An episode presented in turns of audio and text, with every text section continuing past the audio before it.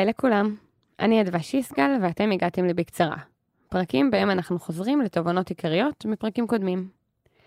אנחנו בפתחו של חודש שמוקדש כולו לנושא של מעבר מהקמה של חברה לניהול שלה.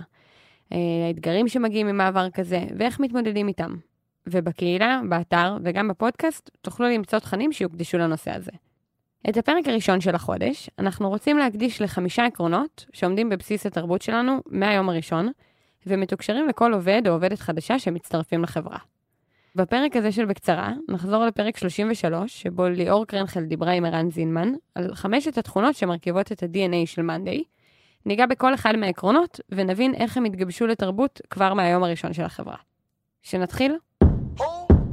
Startup for startup for startup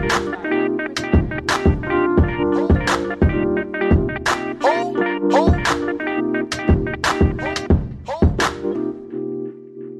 העיקרון הראשון שניגע בו, שאם אתם מקשיבים לפודקאסט אתם כבר בטח מכירים, הוא השקיפות. כשהצטרפתי למאנדיי, הדבר הראשון שפגש אותי היו מסכים עם נתונים בכל מקום. ותוך יומיים ידעתי להגיד בדיוק מה היו ההכנסות של החברה בשנה האחרונה. אמנם הפרק המקורי הוקלט לפני שלוש שנים. היום אנחנו חברה ציבורית, והדברים שאנחנו יכולים לחשוף אחרים, אז הצורה שבה אנחנו מיישמים את העקרונות השתנתה, אבל המהות נשארה. אז uh, מה זה אומר, דבר ראשון, שקיפות? אז אצלנו בחברה ב-Monday, uh, כל המידע של כל החברה שקוף לכולם, למעט דבר אחד שזה משכורות של אנשים, שזה דבר שאנחנו מרגישים שהוא פרטי, של אנשים, אבל למעט זה, הכל בעצם uh, שקוף לכולם. כשאני אומר הכל, אני מתכוון להכל, בלי שום אקספשן. בעצם כל מידע על החברה, כל פרט מידע על החברה, שקוף לכולם בחברה. אז הרציונל הוא, הוא כזה. דבר ראשון, זו החלטה שקיבלנו מאז שהיינו בערך חמישה אנשים. אני ממש זוכר את השיחות שאני ורועי עשינו, וקיבלנו החלטה בעצם שאנחנו רוצים שהחברה שלנו תהיה חברה שקופה. וזו הייתה ממש החלטה שקיבלנו בצורה מודעת. אמ, יש כמה, כמה, כמה רציונלים מאחורי זה. אחד, ברמה הכי בסיסית, אה, אני מרגיש זה שאנחנו חברה שקופה, זה מאפשר לרתום את האינטליגנציה של כל האנשים שיש בחברה לטובת ההצלחה של החברה, בניגוד לחברות שבהן רק ההנהלה בעצם חשופה למספרים. בחברות שרק ההנהלה חשופה למספרים, אז ההנהלה יודעת המון המון פרטים, ואז כזה, אם משהו לא הולך טוב או הולך טוב, הם כזה חושבים קדימה, איך אפשר... אה, לתקשר את זה. לתקשר, איך אפשר לתקן, כאילו זה מאוד מאוד ריכוזי. בעוד שאצלנו, אז בעצם המידע הזה אה, בעצם נחלק בין כל האנשים בחברה. אה, והמוחות של כולם פועלים לטובת אה, הצלחה של החברה. זה דבר ראשון, משהו שלדעתי הוא מאוד מאוד חשוב בדבר הזה.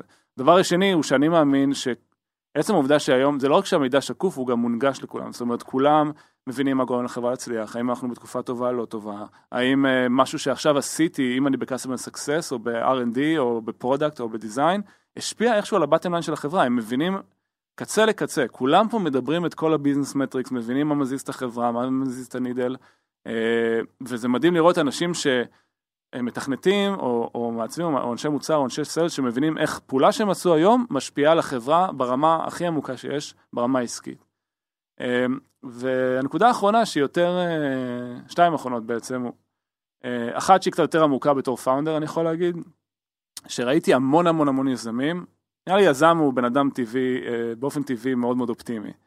הדאונסייד של זה שהרבה פעמים קל ונוח לקבור את הראש בחול. יש בעיה, אז אני אופטימי, הכל יהיה בסדר. והרבה אנשים בעצם לוקחים את זה למקום שהם מנסים לעשות איזשהו פרוקסי למציאות. כאילו, משהו לא הולך טוב, אני אופטימי, אני אנסה לסדר את זה, ואני אתקשר לחברה אחרי שזה יסתדר, כי למה להטריד אותם? למה להלחיץ אותם? וזה תמיד לא טוב. זה תמיד לא טוב, וראיתי המון המון, א', זה לחץ מטורף. החברה לא, לא מתוקשרת בזמן אמת על הסיטואציה. ואז מה שקורה זה שהמצב לא טוב, ואחרי חצי שנה פתאום אה, היזמים או המנהלים בחברה מדברים עם שאר החברה, ומגלים בדיעבד שהדברים לא הולכים טוב, ואז זה א', מאוחר מדי, ב', מי רוצה להתעסק עם משהו שכבר חצי שנה כאילו לא הולך טוב, זה פשוט demotivating בטירוף.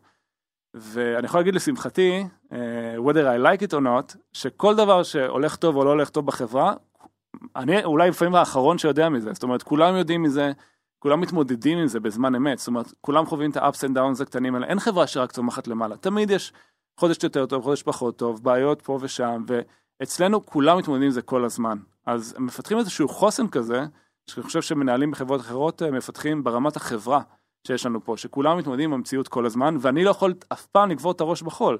זאת אומרת, אם אני עכשיו חושב שצריך להתעסק במשהו אחר, ואנשים שמים לב שמשהו לא הולך טוב, הם יציפו לי את הדבר הזה, ולא הפוך. אז זה מבחינתי, זה כוח אדיר שיש לנו אה, בתור יזמים פה בחברה, ובתור מנהלים בכלל אה, בחברה הזאת. זה מכריח אותי להתמודד עם דברים בריל טיים, לא תמיד אני מוכן אליהם. אני חושב שאנשים שכאילו יותר שולטים בדברים, או מייצרים איזשהו פרוקסי, יכולים להתזמן. אז אם נגיד עכשיו יש איזו תקופה לא טובה או משהו לא בסדר, אני לא יכול להגיד, טוב, יש לי שבוע מטורף, יש לי מצגת בורד, אין לי כוח להתעסק עם זה, אני אדחה את זה לשבוע הבא, כי כאילו כולם בפנים. ה-ups and downs שאני חווה אותם, או שרועי חווה אותם, הם משותפים פה לכולם. כולם חווים את אותם ups and downs, כאילו, וזה לא פשוט. כי פתאום אתה מקבל מהמון סיגנלים מהמון המון מקומות, וצריך להתמודד עם זה, והכל בריל טיים, כי הכל בריל טיים, ולא תמיד זה נוח. Mm-hmm. ולא תמיד בא לך להתמודד עם זה. אבל uh, זה מייצר חוסן מאוד מאוד משמעותי אצל אנשים בחברה. העיקרון השני נוגע לעבודה מול לקוחות. אחד הדברים הראשונים שאומרים לכל עובד חדש שמצטרף, לא משנה לאיזה תפקיד, זה העובדה שהלקוח במרכז. זה מייצר איזשהו alignment, איזשהו אישור קו בין כולם בחברה, ושם מעל כולם את אותו כוכב צפון, המשתמשים. אנחנו חברה שאנחנו מגדירים את עצמנו כ-customer centric, כל מי שמגיע לחברה אנחנו בעצם אה, אה, מסנכרנים אותו על זה. אה, ובאופן כללי אני אומר את זה גם לכל מי שיש, שיש לנו ב-customer support ו-sales, הלקוחות שלנו הם האדבוקטים הכי גדולים של המוצר והם היחצנים הכי גדולים של המוצר. עכשיו זה לא רק הזמן מענה אלא גם איכות המענה. זה שהם הם, הם יקבלו אמפתיה מה, מהנציג, זה שהם ירגישו שעושים עבורם מעל ומעבר. זאת אומרת, אני יכול לענות מהר ולשלוח מישהו להסתכל ב-knowledge base שלנו, אבל מבחינתי אני רוצה שלא רק שהנציג ייתן לו את השירות הכי טוב, אלא גם יענה על כל השאלות שלו ויחשוב על מה הוא לא ענה. אנחנו רוצים שייצרו איתנו קשר, אנחנו רוצים שיתקשרו אלינו, אה, ומבחינתנו ה-KPI הוא לא לעמוד בזמנים או להוריד כמות הטיקטים, אלא לתת את השירות הטוב ביותר ללקוחות שלנו. אני אומר את זה גם לאנשי סיילס אגב, ואחד הדברים הכי חדים שאני אומר לאנשי סיילס, זה אני אומר להם, תקשיבו, אף פעם אל תמכרו ללקוח משהו שהוא לא צריך.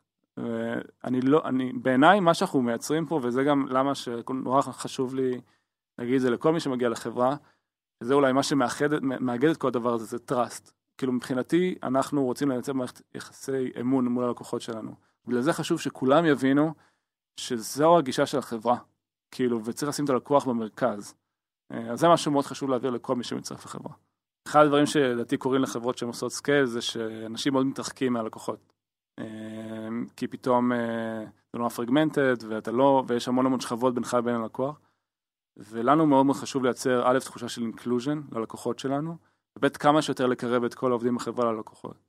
יש משהו, מי שפעם הלך לבקר לקוח פיזית, מבין את תחושת הכיווץ בבטן שאתה מקבל, שאתה רואה מישהו מתקשר עם פיצ'ר שפיתחת, זה משהו מאוד מאוד עוצמתי. כאילו משהו ש... תסתכל על דאטה עם מיליון data points, זה לא ירגיש אותו דבר כמו חוויה של מישהו אחד ספציפי שאתה מדבר איתו. ולזה מאוד חשוב לנו שכל אה, איש מוצר וכל מתכנת וכל מעצב וכל מי שיש לו נגיעה בעצם ל product, אה, יתקשר מול לקוחות ישירות, אז אנחנו מתקשרים איתם בפייסבוק, ויש לנו גם community היום באתר. המון inclusion, המון לקבל את הפידבק שלהם, המון אינטראקציה עם כל האנשים בחברה, שבסוף נזכור שהלקוחות שלנו זה בני אדם, זה משהו שמאוד חשוב לנו. הנקודה השלישית היא המוצר. במשך תקופה ארוכה ב monday, כל תהליך המכירה של המוצר היה no touch. מה שאפשר לנו לדעת שמי שהופך למשתמש משלם, עושה זאת כי הוא מרוצה מהמוצר, ולא כי איש מכירות שכנע אותו לקנות אותו. בהמשך הוספנו גם מחלקת מכירות, אבל הפוקוס על המוצר ועל הקלות של השימוש בו לא השתנה. מ-day one אתם לבנות חברה שבעצם אנשים רואים הודעה, נרשמים למוצר, מתחילים להשתמש בו ומשלמים בלי שמדברים עם אף אחד. עכשיו זה נשמע טריוויאלי, אבל זה היה fucking קשה. בסדר? לעשות מוצר שאתה מבין מה ה value שהוא ייתן לך, שאתה מבין מספיק בשביל להתחיל להשתמש בו, ואז גם לשלם על זה, זה מאוד מאוד קשה להביא את החברה למקום הזה, ועבדנו מאוד קשה בשביל להביא את החברה למקום הזה. בעיניי אחד הדברים, זה קצת לא אינטואיטיבי, אבל הכי גרועים שיכולים להיות לסטארט-אפ בתחילת הדרך, זה שיהיה לך חרא product, מה שלכולם יש, כן, גם לנו פעם היה חרא product, אה, ואז אתה שוכר איש מכירות, ואז unfortunately for you, הוא גם ממש ממש טוב. אז מה הוא יעשה? למכור. ואז כאילו ה board ואתה תראה שמוכרים, אז רוצים להגדיל, growth. אז מביאים עוד אנשים מכירות, ועוד ועוד ועוד, ואז מה קורה? אתה מתמכר לדבר הזה של למכור, אבל guess what? המוצר שלך לא טוב. אז אנחנו אמרנו fuck it, אנחנו רוצים לראות כאילו מוצר כזה שאנשים מאמצים אותו ומשתמשים ומשלמים בלי שיש מכירות נמצא באמצע. אה, וזה לא היה קל, וזה מה שעשינו. אה, ומה שצריך להבין, שבקטגוריה שלנו של מוצרים שמוכרים לעסקים, אז יש המון חברות שאנשים משתמשים בהם, אבל תכלס, הם לא נהנים בלהשתמש בהם. הם איטיים, הם מסורבלים, אתה מרגיש כל הזמן שאתה עובד בשביל הכלי. אנחנו הבנו מאוד מהר אצלנו שאנחנו צריכים לגרום לאנשים ממש לאהוב את המוצר. בגלל זה היה חשוב לנו לעשות דברים שהם כאילו מרגישים קונסיומרינג בהרגשה, אה, כמו זה שהמוצר יהיה יפה, ושאנשים יסתכלו עליו וייהנו. כי הבנו שבסופו של דבר בן אדם מבלה 3, 4, 5 שעות מול מאנדיי כל יום, אז כאילו למה שהוא יסבול? כאילו שיהיה לו חוויה טובה, כמו מוצר קונסיומר. אה, ולא רק שהוא יהיה יפה, אלא שהוא יהיה מהיר, זאת אומרת שאתה אף פעם לא תצטרך לחכות לשום דבר במוצר, כל דבר שאתה עושה יקרה מיד. ושהמוצר תמיד יעבוד בשבילך ולא אתה בשביל המוצר. הנקודה הרביעית היא הנקודה שהייתה הכי משמעותית עבורי כשהצטרפתי לחברה, ownership. במה זה בא לידי ביטוי? בזה שבסוף השבוע הראשון שלי ב-Monday כבר קיבלתי משימה, כמו שכל עובד או עובד החדשה שמצטרפים מקבלים, שכל כולה הייתה באחריות שלי. זו נקודה שתוקשרה לי ממש מהשנייה הראשונה, והיא חלק בלתי נפרד מהעבודה היומיומית. ownership זה לקחת אחריות. זה משהו שהוא ממש חשוב פה ב-DNA. כאילו, כשאתה מקבל משימה או אתה לוקח לעצמך משהו, הציפייה שלי, של כל מנהל פה, כל בן אדם בחברה, זה שתיקח על זה ownership, זאת אומרת שתעשה את זה מקצה לקצה. אה, שזה אומר, אה, לא אני תלוי בו, או אני מחכה להם, או אה, באתי לעשות את זה אבל לא ידעתי משהו. כן. מהמקום של הזכות אני אומר, תקשיב, אני סומך עליך. ואני מאמין בזה בלב שלם, כאילו עם כל מי שאני באינטראקציה איתו בחברה, אני באמת סומך על האנשים פה בטירוף. כי מבחינתי שאני אומר ownership, אני אומר, תשמע, אני סומך עליך, האחריות אצלך. מה שתחליט, אני מאחוריך, אני מגבה אותך. כאילו, אני סומך עליך שאתה בן אדם חכם, ושאתה קייפבל, וזה מצד אחד מלחיץ, מצד שני מעצים, כאילו, את האנשים, ואני, הורגות אותי שיחות כמו, אה, כן, רציתי לעשות את זה, אבל לא ידעתי. אז אני אומר, אז למה לא החלטת? כאילו, אני הייתי בחברות רקובות בעברי, שמה קורה יש חברה גדולה, שגדלה, אז בעצם כל החלטה שצריך לעשות בשביל להתקדם, צריך אה, לדבר עם הדירקטור, שידבר עם ה-VP, שידבר עם המנכ"ל, המנכ"ל מחליט, הוא כבר לא יודע על מה מדובר, כן, אבל הוא מחליט, זה יורד ל-VP, יורד... אין שום קשר בין השאלה שנשאלה לבין התשובה שהתקבלה, ועברו שבועיים מאז. עכשיו זה דרך לעשות חברה חרא, כאילו, שכולם מתוסכלים לאורך כל הדרך, ואז אנשים אומרים, כן, רצינו להתקדם, אבל לא קיבלו עדיין החלטה. fuck it לא קיבלו החלטה, כאילו, זה, זה דרך כאילו להרוג אנשים.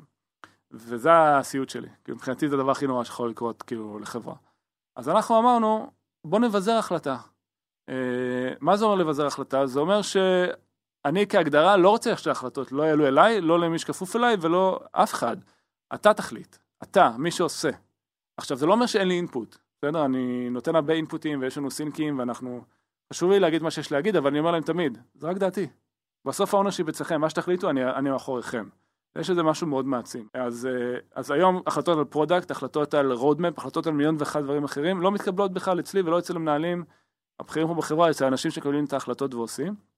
הנה, עכשיו נגיד, הולך להיות לי דיון היום על pricing. Uh, יש איזשהו פיצ'ר חדש שהוצאנו על אוטומציות, ורוצים לדעת באיזה tier יכניסו את זה ואיך נעשה לזה pricing. עכשיו נשמע סבבה, נכון? רוצים אותי ואת רועי ואת אה, דני שמנהל את הפיתוח, רוצה לעשות שיחה על pricing. מה אני מבין מזה? שאנחנו מפגרים.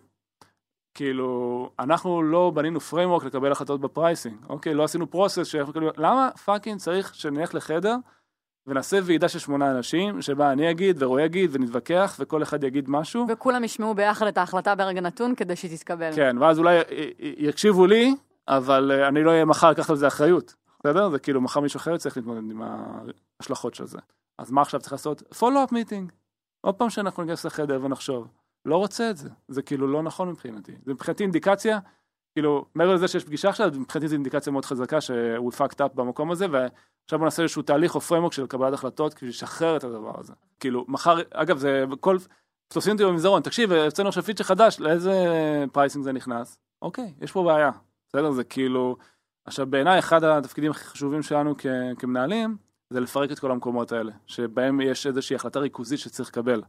ככה מבחינתי אנחנו עושים scale. אנחנו מתקרבים לסיום, והנקודה האחרונה מתחברת ישירות ל ownership, ונוגעת למה שצריך להכווין כל אחד מהעובדים בחברה, לא משנה מה התפקיד שלהם. impact. אין דרך לייצר impact ולהשפיע בלי לקחת ownership, אבל גם אין ממש טעם לקחת ownership אם אנחנו לא יודעים מה המטרה שלנו. זה משהו שהוא ממש מובנה אצלנו בתוך ה... אפילו ה-performance review. אנחנו כל חצי שנה עושים performance review, והסעיף המרכזי שם זה impact. עכשיו, מה זה impact? זה נשמע כזה נורא fluff, כאילו, מה impact, אוקיי. אה, אז, אז אין הגדרה מדויקת, בסדר? אבל זה one of those things, when you, do, when you see it, you know, בסדר? אימפקט זה אומר, הזזתי את הנידל, הפכתי את החברה לחברה טובה יותר, בסדר? ואנחנו אומרים לכל אחד שמצטרף, תקשיב, אנחנו רוצים, מצפים, מעודדים, מתחייבים כאילו, שאנחנו רוצים שתגיע למקום שאתה עושה אימפקט. אני מאוד מאמין שזה דרך להרגיש משמעותי, להרגיש חי. אני לא רוצה שיהיה פה אף אחד שירגיש שהוא בא בבוקר ומסובב בורג. כאילו זה משהו נוראי בעיניי. אני רוצה שכולם פה יעזו, ושוב, זה מתחבר אולי קצת לנקודה של ה ownership, אבל, וישנו דברים, וישחטו פרות קדושות, ויגידו זה לא עובד, בואו נעשה משהו אחר. אף פעם שיחה כזאת שעשינו פיצ'ר, מה הוא עשה. זה תמיד מה ה impact שזה עשה. כשאנחנו מציגים דברים ל board, זה הנה, זה מה שעשינו, מה ה impact. ואם אין impact, אומרים אין impact. אה, ויש איזה משפט שאני גם אוהב להגיד בהקשר הזה, שזה לא חשוב אה, מי אומר משהו, אלא מה אתה אומר. יש כל מיני חברות שאם ה-VP אומר, או הדירקטור, אז כאילו, הוא, הנה, הוא אמר, הוא יודע. ואצלנו זה אף פעם לא ככה. אנשים מציעים דברים ושוחטים פרות קדושות, וכאילו, מעיזים, ו... ואז כאילו מסתכלים עליהם, אומרים, יאללה, תעשו טסט. פקודת הדריבן, אפשר לבדוק, בוא ננסה, כאילו זה, ואז כאילו הם, הם, הם אומרים, וואלה, הנה, עשיתי משהו, הזזתי את החברה, הפכתי לחברה טובה יותר, ואף אחד לא יבאס אותך. חמשת העקרונות שהזכרנו פה מלווים אותנו מהיום הראשון, וככל שעבר הזמן הם התגבשו והפכו לאבני היסוד של התרבות הארגונית שלנו. אם אתם רוצים לשמוע עוד על התרבות הארגונית שלנו ועל החשיבות שלה, אתם מוזמנים להאזין לפרק 138, לינק יהיה בתיאור של הפרק. אבל את הפרק הזה של בקצרה נסיים בטיפים למי שרוצה לבנות עקרונות יסוד שילוו את כל העובדים בחברה. הספיץ' הזה נולד מערכים ולא הפוך, כאילו, אני, כן. החברה קודם דיברה את זה, ואחרי זה ניסינו להבין מה אנחנו עושים. מאוד נזהר כאילו לא להפוך למקום שאני ציני לגבי זה, או זה לא אמיתי. אני, אני כן יכול להגיד שזה לא אינטואיטיבי, ומה שמתאים לנו לא בהכרח מתאים למישהו אחר, וגם קיבלנו פושבק מכל מיני מקומות. כאילו מה שעזר לאורך כל התקופה שנורא האמנו בזה מבפנים. בסדר, זה היה נורא נורא ברור לנו שזה מה שחשוב לנו. אז כאילו, אחד העצות שאולי לי יש לתת זה, א', שאתה תתחבר לזה, זאת אומרת, מבפנים, כי אתה תקבל כל מיני, זה קשה להתמיד בדברים האלה, לא, אתה חייב להאמין בזה בעמקי כן נשמתך שזה הדבר הנכון. חייב לעבוד לך ואתה חייב לעמוד מאחורי זה ו-you can't fake it, כאילו, כן. אם אתה לא מאמין בשקיפות and you'll fake it, זה לא יעבוד. אני כאילו פשוט לא יכול לדמיין משהו אחר, אז כאילו, זה ברור לי, אבל אם אני צריך אה, איכשהו לרכז את זה לטיפ, זה פשוט להאמין בזה בעצמך ושזה משהו מאוד עמוק אצלך, כי כל הזמן יהיו התנגדויות, ואגב, זה צריך להשקיע אנרגיה ולתחזק את זה. כאילו, האנרגיה של החברה תמיד הולכת למקום כזה ממוצע או סטנדרט, וצריך להשקיע אנרגיה שתחזק את זה, בשיחות onboarding, בשיחות uh, על זה מה שלנו ב board meeting, ב-all-hands meeting, בדשבורדים, ב-SMSים, ב... צריך להשקיע אנרגיה בשביל לשמר את הדברים. צריך להשקיע בזה אנרגיה, אתה חייב מאוד להאמין בזה, ושזה יהיה מאוד מאוד חשוב לך ברמה עמוקה ביותר. אז סיימנו, ואני אזכיר שאם יש לכם שאלות, אפשר לשאול אותן באתר או בקהילת הפייסבוק שלנו. ואם אתם רוצים לדעת כל פעם שיוצא פרק חדש, אתם מוזמנים לעקוב אחרינו באפליקציה שבה אתם מקשיבים כעת. תודה רבה שהאזנתם. startup for startup for startup for startup. For startup.